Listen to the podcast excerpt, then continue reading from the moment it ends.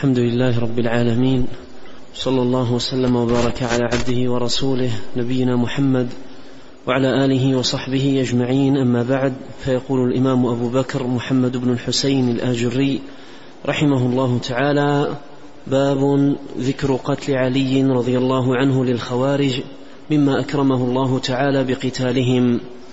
قال حدثنا الفريابي قال حدثنا صفوان بن صالح قال حدثنا الوليد بن مسلم قال حدثنا ابن لهيعة قال حدثني بكير بن عبد الله بن الأشج عن بسر بن سعيد عن عبيد الله بن أبي رافع مولى أم سلمة أن الحرورية لما خرجوا وهم مع علي بن أبي طالب قالوا لا حكم إلا لله فقال علي رضي الله عنه أجل كلمة حق أريد بها باطل إن رسول الله صلى الله عليه وسلم وصف أناسا إني لاعرف صفتهم يقولون الحق لا يجاوز هذا منهم وأشار إلى حلقه هم أبغض خلق الله إليه تعالى.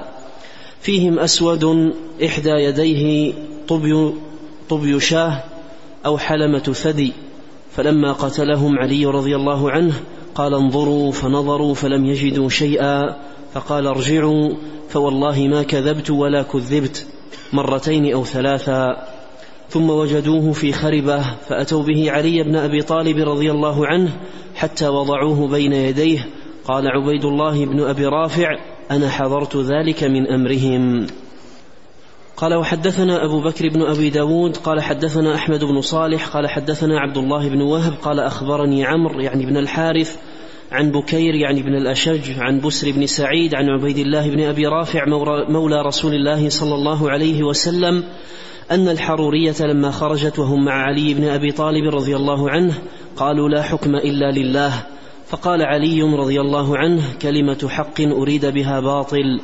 إن رسول الله صلى الله عليه وسلم وصف ناسا إني لأعرف صفتهم في هؤلاء. يقولون الحق بألسنتهم لا يجاوز تراقيهم وأشار إلى حلقه هم من أبغض خلق الله هم من أبغض خلق الله إليه تعالى. منهم أسود يعني منهم أسود إحدى يديه طبي شاه أو حلمة شاه. قال فلما قتلهم علي رضي الله عنه قال انظروا فنظروا فلم يجدوا شيئا. فقال ارجعوا فوالله ما كذبت ولا كذبت مرتين أو ثلاثا. قال ثم وجدوه في خربة فأتوا به عليا حتى وضعوه بين يديه. قال عبيد الله وأنا حاضر ذلك من أمرهم وقول علي فيهم. نعم. بسم الله الرحمن الرحيم. الحمد لله رب العالمين وأشهد أن لا إله إلا الله وحده لا شريك له وأشهد أن محمدا عبده ورسوله صلى الله وسلم عليه وعلى آله وأصحابه أجمعين. اللهم علمنا ما ينفعنا وانفعنا بما علمتنا وزدنا علما وأصلح لنا شأننا كله ولا تكلنا إلى أنفسنا طرفة عين. أما بعد هذه الترجمة باب ذكر ذكر قتل علي رضي الله عنه للخوارج مما أكرمه الله تعالى بقتالهم.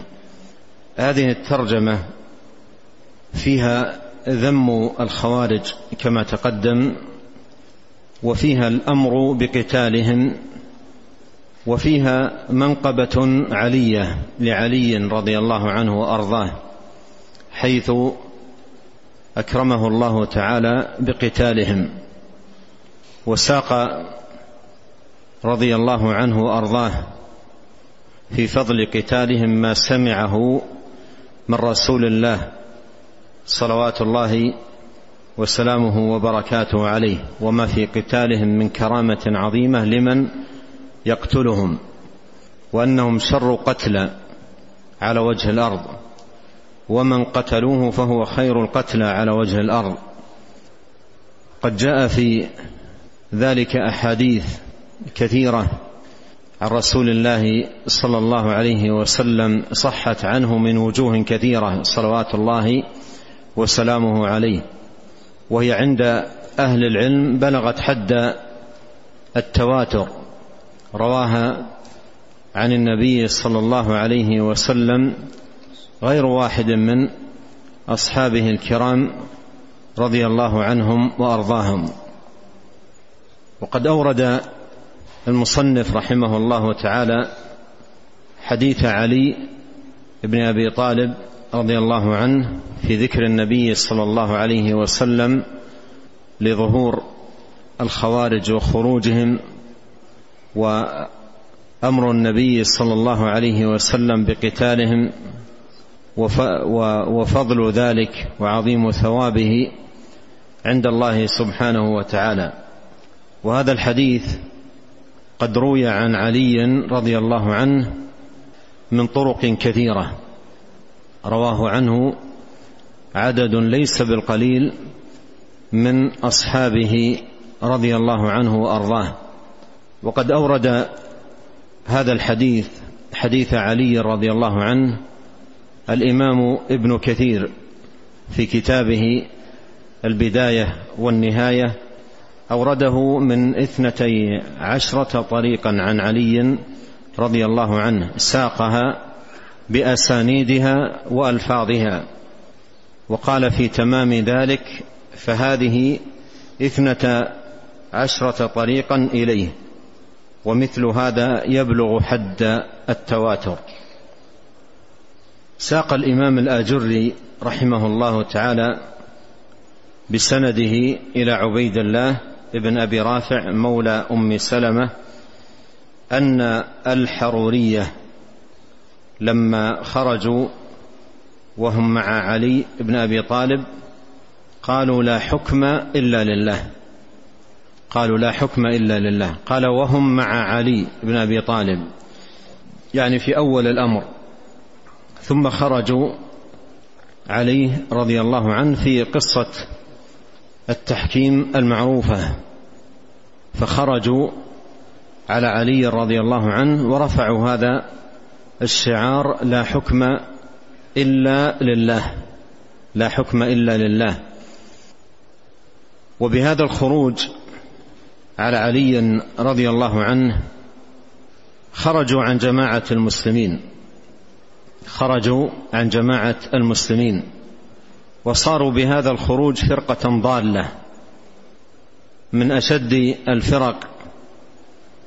ضلالا ومن أشد الفرق جناية على الإسلام وأهله.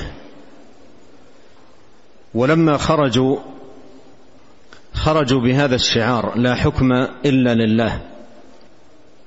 إن الحكم إلا لله. وأنزلوا كلام الله تبارك وتعالى في غير منزله وحملوه على غير محمله فأوتوا من سوء فهمهم. وقلة درايتهم بشرع الله وكلامه سبحانه وتعالى. وتحت هذه الكلمة وهذا الشعار الذي رفعوه لا حكم إلا لله انظر ماذا فعلوا. تحت هذا الشعار بدأوا يكفرون المسلمين أفرادا وجماعات. لا يستثنون من ذلك أحدا إلا من وافقهم على أهوائهم ومذاهبهم الفاسدة. كفروا المسلمين عموما حكاما ومحكومين رعاة ورعية. ثم رتبوا على ذلك التكفير إشهار السيف والعمل على قتال المسلمين وقتلهم. فصح فيهم ما أخبر به رسول الله صلى الله عليه وسلم حيث قال يقتلون أهل الإسلام ويدعون أهل الأوثان. فأصبح هؤلاء بسبب هذه النحلة الفاسدة والفهم الباطل لا هم لهم إلا قتال المسلمين وإراقة دمائهم. لا هم لهم إلا ذلك. وهي أمور انبنى بعضها على بعض. كانت أول شرارة اتقدت في هذا الباب قولهم لا حكم إلا لله وفهموه فهما أعوج. وتحت هذا الفهم الأعوج لا حكم إلا لله إن الحكم إلا لله كفروا خير الناس في زمانهم بل كفروا أفضل الناس على الإطلاق في زمانه وهو علي رضي الله عنه ولم يكتفوا بتكفيره بل أراقوا دمه قتلوه وقتلوا عددا من أصحاب النبي الكريم عليه الصلاة والسلام. قتلوهم معتبرينهم كفار حتى علي رضي الله عنه كانوا يعتبرون يعتبرونه من الكفار ومن الظلمة ومن الطغاة. ولما قتله عبد الرحمن بن ملجم وهو رأس من رؤوس الخوارج وهو خارج رضي الله عنه لصلاة الفجر كان يقرأ ابن ملجم وهو يسل سيفه يقتل به عليا كان يقرأ الآية ومن الناس من يشري نفسه ابتغاء مرضات الله يعد هذا القتل لخير أهل زمانه رضي الله عنه اشتراء لمرضات الله. وطلبا لثوابه وموجبا لدخول جنته. وإذا كان رؤوس الخوارج وأولوهم ومتقدموهم كفروا عليا رضي الله عنه ولي أمر المسلمين الخليفة الراشد أمير المؤمنين رضي الله عنه وأرضاه خير أهل زمانه. إذا كان أولوهم ومقدموهم كفروا عليا رضي الله عنه وأرضاه وكفروا من تحته من الصحابة والتابعين الخيار الأفاضل فلا عجب ولا غرابة أن يكفر أذنابهم وذيولهم وفروعهم وأتباعهم إلى قيام الساعة. من هو دون علي من الحكام ومن هم دون الصحابة والتابعين من المحكومين؟ لا غرابة في ذلك. إذا كان الأول كفروا عليا رضي الله عنه وكفروا الصحابة والتابعين رضي الله عنهم ورحمهم فلا غرابة أن يكفر ذيول هؤلاء واتباعهم من هو دون علي من الحكام ومن هو دون الصحابة والتابعين من المحكومين. وأيضا إذا كان الأول من هؤلاء والمتقدمون فعلوا ما فعلوا من تكفير وسفك للدماء وتعد على الأموال وإخلال بالأمن إلى غير ذلك من الجنايات العظيمة والتعديات الفظيعة التي قاموا بها مع ما كانوا عليه من اجتهاد في عبادة وذكر وصلاة وصيام. قال عنه النبي صلى الله عليه وسلم مخاطبا الصحابة تحقرون صلاتكم مع صلاتهم وصيامكم مع صيامهم وقراءتكم مع قراءتهم. فلا غرابة أيضا أن يقع في المتأخرين من ذيول هؤلاء وأتباعهم ممن يحملون الفكر نفسه والمذهب نفسه والطريقة نفسها مع قلة في الوقت نفسه في العبادة والذكر. لله عز وجل والصيام فلا علم ولا عبادة فلا علم ولا عبادة مع عظيم التجني على الأمة أمة الإسلام والغرور بأنفسهم والعجب. وهذا الغرور والعجب هو الذي أهلك الأولين والآخرين من هؤلاء يرون أنفسهم خير الناس. وأفضل الناس ويزكون أنفسهم ولا يرون من خالفهم شيئا لا في دين ولا ولا في عبادة. ولهذا هانت عنده عندهم الدماء وهانت عندهم الأعراض وهان عندهم كل شيء. يفعلون ذلك بزهو وغرور وعجب ورؤية للنفس غير مبالين بكل ما يفعلونه من تجنيات وتعديات بل يعدون ذلك من القرب التي بزعمهم يتقربون بها إلى الله سبحانه وتعالى. ومتى كان التقرب إلى الله جل في علاه؟ اراقه للدماء المعصومة وانتهاكا للأعراض المحرمة. وتعديا على الاموال المحترمة واخلالا بأمن المسلمين وترويعا للآمنين إلى غير ذلك من الجنايات التي تقع من هؤلاء. قالوا لا حكم إلا لله. هذا الشعار الذي رفعه الأوائل ورفعه أيضا الذيول والأتباع أتباع هؤلاء. فقال علي رضي الله عنه أجل أجل لا حكم إلا لله. هذا لا ينازع فيه لا ينازع في ذلك مسلم. لا حكم إلا لله إن الحكم إلا لله. قال أجل كلمة حق أريد بها باطل أي أنزلوا قوله سبحانه وتعالى إن الحكم إلا لله في غير منزله وجعلوه في غير موضعه فهي كلمة حق ومعناها واضح بين لكنهم جعلوها في غير منزلها في غير موضعها. كلمة حق أريد بها باطل. كلمة حق أريد بها باطل. كلمة حق أي لا حكم إلا لله. أريد بها باطل الذي هو تكفير المسلمين. ومن ثم قتل المسلمين وإراقة دمائهم. قال كلمة حق أريد بها باطل.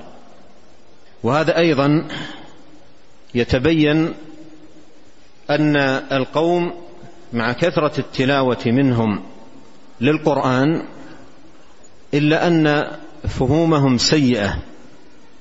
غاية السوء.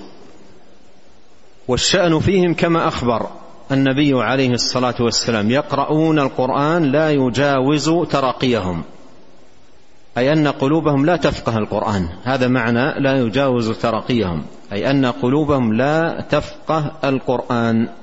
لا يفهمون كلام الله. ولهذا يأتي الاستدلال بالآيات استدلالا أعوج.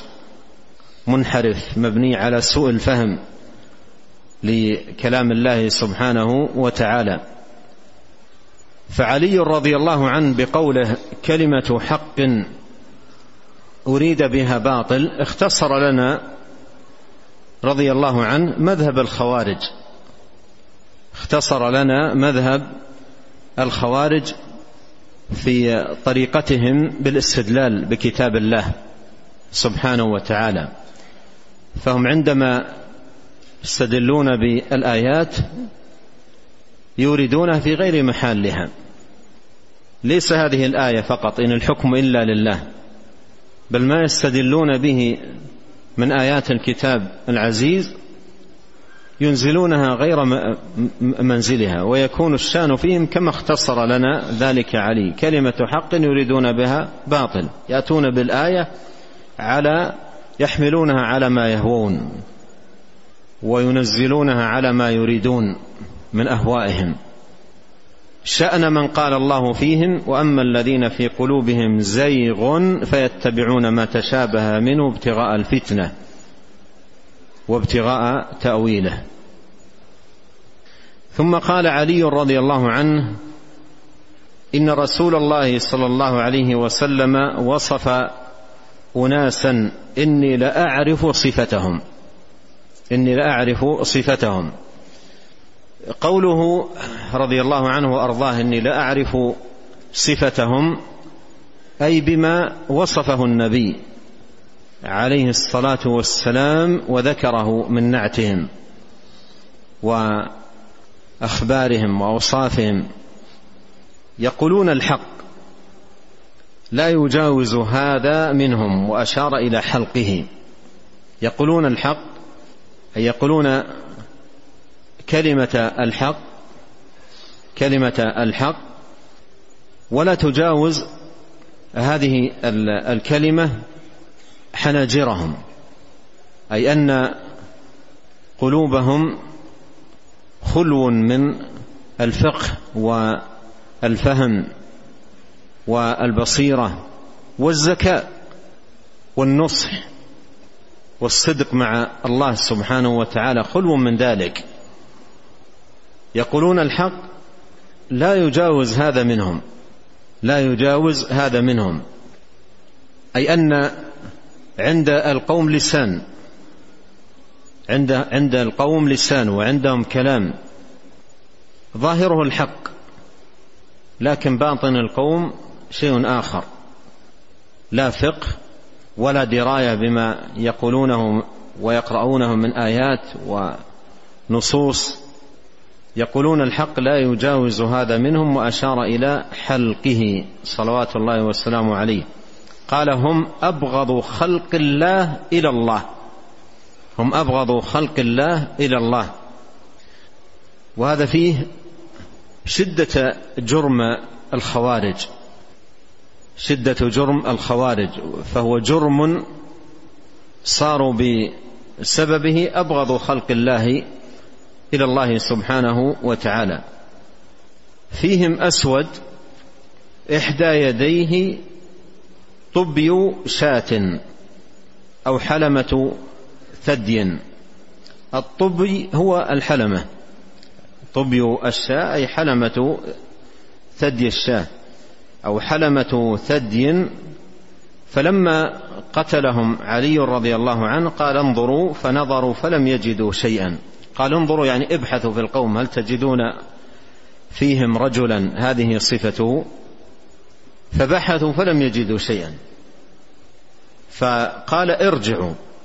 فوالله ما كذبت ولا كذبت.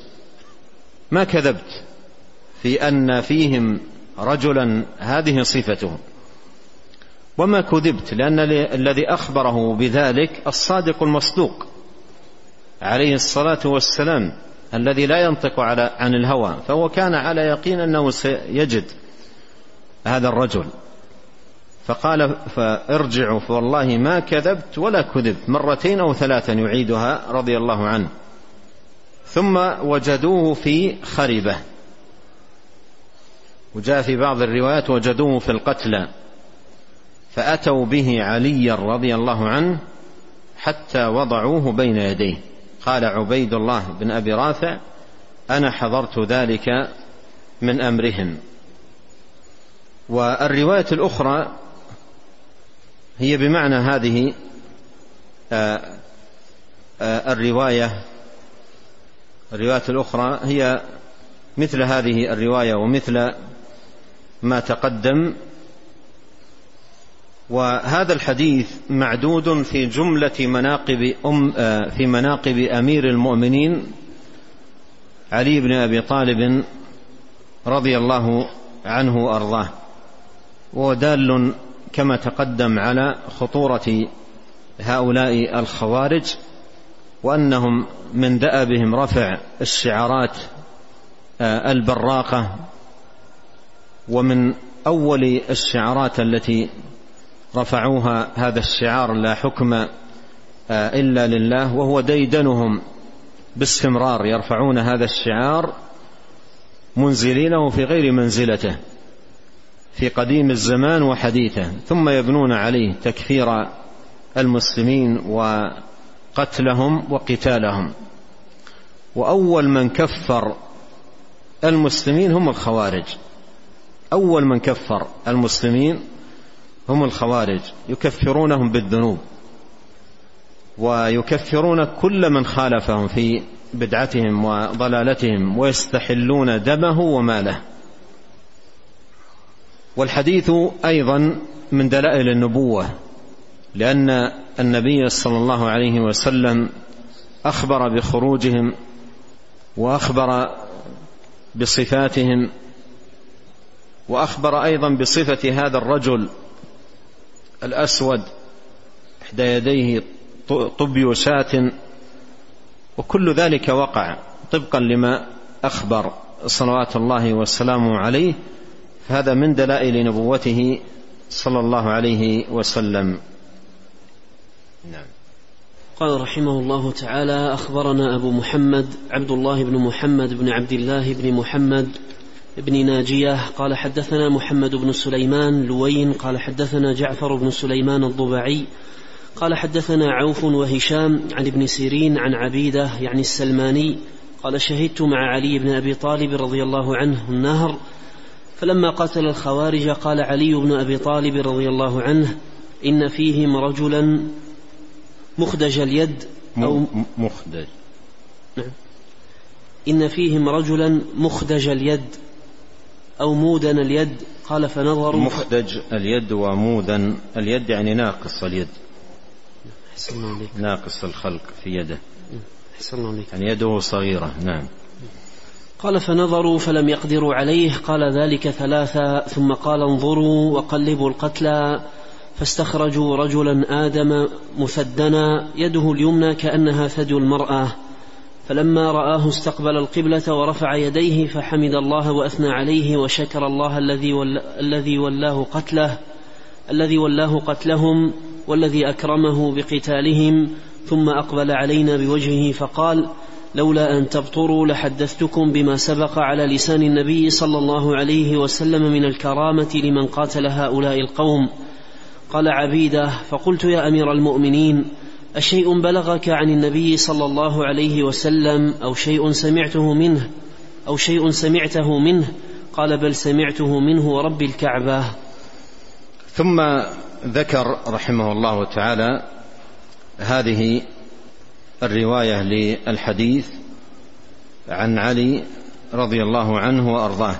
الرواية الأولى كانت من طريق عبيد الله بن أبي رافع وهذه من طريق عبيدة السلماني وهي مثل الرواية المتقدمة لكن فيها زيادة أمور ثلاثة. الأول آه، حمد علي رضي الله عنه آه، حمد علي رضي الله عنه لله عز وجل وثناؤه على الله وشكره الذي أولاه قتلهم واكرمه بقتالهم. وهذا من مناقب علي رضي الله عنه وأرضاه.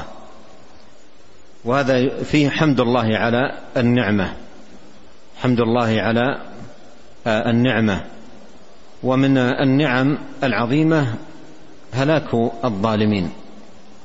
هلاك الظالمين وارتياح المسلمين من شرورهم وأذاهم. فقطع دابر الذين ظلموا والحمد لله رب العالمين. هذه الآية أيضا فيها المعنى نفسه أن من مواطن الحمد العظيمة مثل هذا الموطن. فحمد علي رضي الله عنه الله سبحانه وتعالى على هذه النعمة وشكره على ما أولاه من قتالهم وأكرمه بقتالهم. الأمر الثاني في في هذه الرواية في قول علي رضي الله عنه لولا أن تبطروا ان يصيبكم البطر و أو العجب أو نحو ذلك لحدثتكم بما سبق على لسان النبي صلى الله عليه وسلم من الكرامة لمن قاتل هؤلاء القوم لمن قاتل هؤلاء القوم. وهذا فيه فضل قتالهم. وعظم الكرامة لمن وفقه الله سبحانه وتعالى لذلك. وفيه أيضا جواز كتمان العلم للمصلحة. لأن علي رضي الله عنه قال لولا أن تبطروا أي من أجل هذه المصلحة الا يقع أحد في شيء من البطر لم يخبرهم تفصيلا وإنما ذكر لهم اجمالا. ففيه جواز كتمان العلم للمصلحة. وهذا الكتمان للعلم الذي يراد به المصلحة هو في باب الفضائل. هو في باب الفضائل ليس في باب الأحكام والحلال والحرام.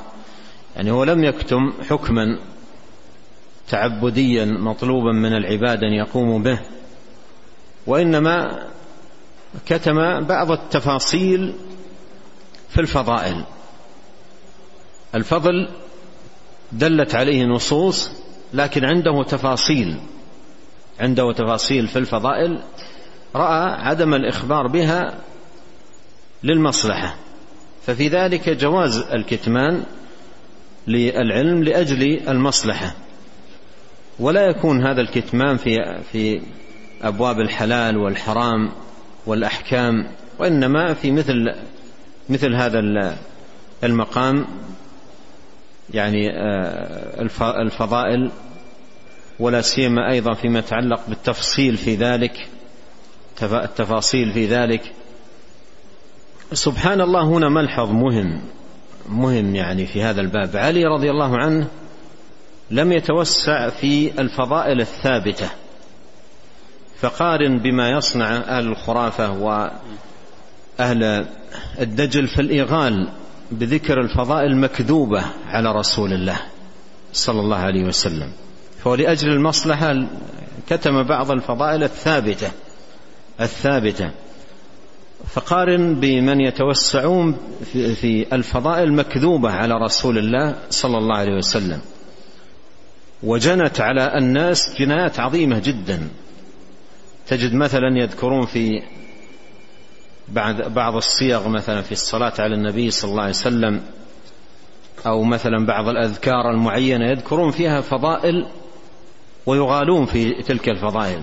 حتى إن بعض العوام بسبب اغتراره بذلك توقف عن كثير من العبادات اكتفاء منه ببعض الأذكار التي أمليت عليه وذكرت له تلك الفضائل العظيمة. وقال يكفيني هذه هذه الفضائل وعطل حتى بعضهم بعض واجبات الدين اكتفاء ب آه، ما ذكر له من فضائل مكذوبة على رسول الله صلى الله عليه وسلم. فالمعنى الذي ذكره علي معنى مهم ينبغي أن يلاحظ في باب الفضائل. قال لولا أن تبطروا لحدثتكم. لولا أن تبطروا لحدثتكم. فهذا يبين لنا أن باب الفضائل يذكر للناس ويراعى فيه هذا الجانب الذي راعاه عليا رضي الله عنه.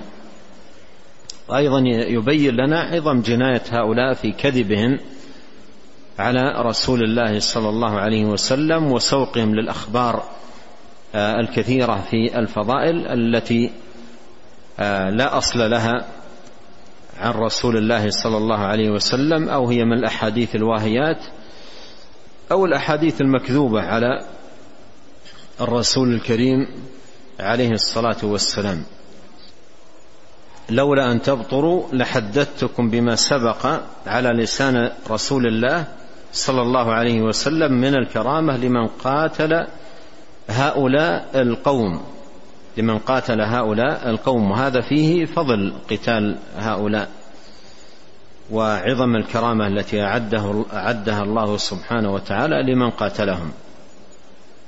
الأمر الثالث هذا القسم من علي رضي الله عنه وجاء في بعض الروايات أنه كرر هذا القسم ورب الكعبة يقسم بالله بهذا الأمر الذي سمعه من رسول الله صلوات الله وسلامه عليه. ففيه جواز القسم للتأكيد تأكيد الأخبار وتحقيق ثبوتها. نعم. قال رحمه الله تعالى وأخبرنا أبو محمد عبد الله بن محمد بن صالح البخاري قال حدثنا عبد الله بن عمر الكوفي قال حدثنا وكيع عن جرير بن حازم وأبي عمرو بن العلاء النحوي عن ابن سيرين عن عبيدة السلماني عن علي رضي الله عنه قال قال رسول الله صلى الله عليه وسلم سيخرج قوم فيهم رجل مودن اليد أو مثدون اليد أو مخدج اليد ولولا أن تبطروا لأنبأتكم ما وعد الله تعالى الذين يقتلونهم على لسان نبيه صلى الله عليه وسلم. قال عبيدة فقلت لعلي رضي الله عنه أنت سمعته من رسول الله صلى الله عليه وسلم؟ قال نعم سمعته ورب الكعبة. سمعته إي ورب الكعبة. سمعته إي ورب الكعبة. وهذه طريقة أخرى لهذا الحديث حديث عبيدة السلماني عن علي. رضي الله عنه وفيه تكرار القسم ثلاث مرات. سمعت ورب الكعبة كررها آه، علي رضي الله عنه ثلاث مرات. ولا يزال في الباب بقية ونسأل الله الكريم أن ينفعنا أجمعين بما علمنا وأن يزيدنا علما وأن يصلح لنا شأننا كله وأن لا يكلنا إلى أنفسنا طرفة عين.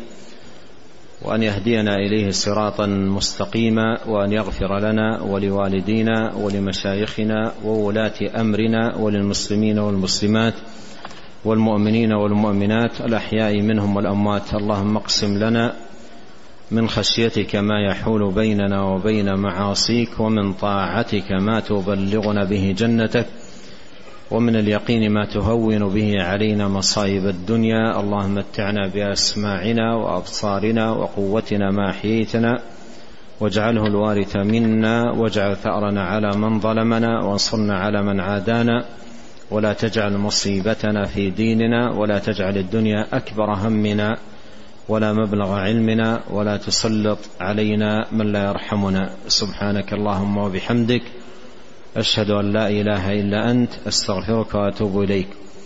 اللهم صل وسلم على عبدك ورسولك نبينا محمد وآله وصحبه.